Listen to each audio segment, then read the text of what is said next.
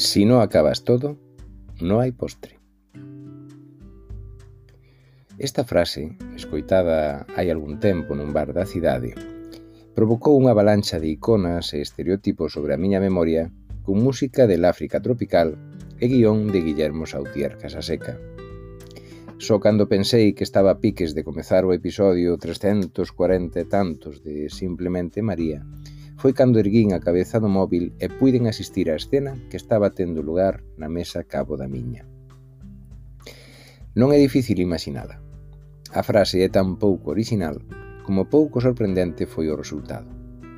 O neno non acabou todo e non só houbo sobremesa, senón que, ademais, puido escoller o que máis lle apeteceu e tivo ración dupla por ter comido demasiado pouco.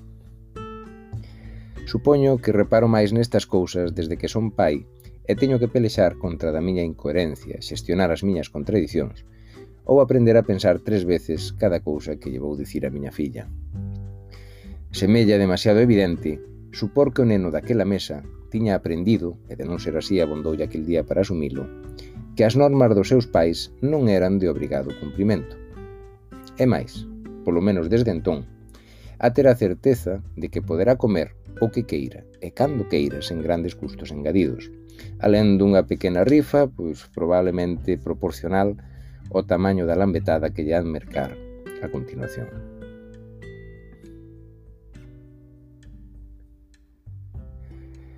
Hai uns anos, o 29 de novembro de 2016, O Concello de Ourense aprobaba a nova ordenanza de limpeza de Soares que obrigaba a limpeza de todos os terreos de propiedade pública ou privada existentes no termo municipal, o tempo que regulaba as sancións a impoñer a quen incumprira tal norma, incluindo os custos ocasionados polos traballos do Servizo Municipal de Limpeza. Claro, unha cousa son as lindezas que queiramos plasmar nun papel e outra ben distinta a realidade que temos que xestionar e administrar no día a día. Nos últimos 40 anos, o Concello de Ourense non foi capaz, pola falla de recursos e persoal, de manter limpas nin sequera as súas propiedades. Difícil era entón pensar que ia ser quen de facelo a partir deste ano, que non tiña nin máis nin mellores recursos ca outros anos, É moito máis complexo aínda sería engadir, engadir a esta angueira as labores de vixilancia no cumprimento da norma por parte dos milleiros de propietarios e terreos do termo municipal. E, por certo, aínda menos mal que nos trámites de aprobación desaparecera a data tope para cumprir co articulado da ordenanza, proposta no texto inicial para o 1 de xullo.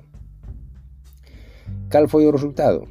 Pois o agardado, que chegamos a agosto do ano seguinte, a piques de que o principal sector económico do país comezara a queimar os montes e ameazar a conseguir achegándose ás cidades, e unha manchea de soares e terreos seguían sen cumprir nin esta ordenanza nin a legislación aplicable, circunstancia que se veu repetindo periódicamente até a actualidade. E para máis INRI, o propietario que máis incumpre a normativa é o propio Concello de Ourense, mala praxe e pedagóxica esa de legislar normas de difícil ou imposible cumprimento, máis aínda cando o propio legislador é o principal quebrantador da mesma. A cidadanía pode dar en pensar que as normas non están para cumprir e isto provocaría a entrada nun bucle de difícil saída.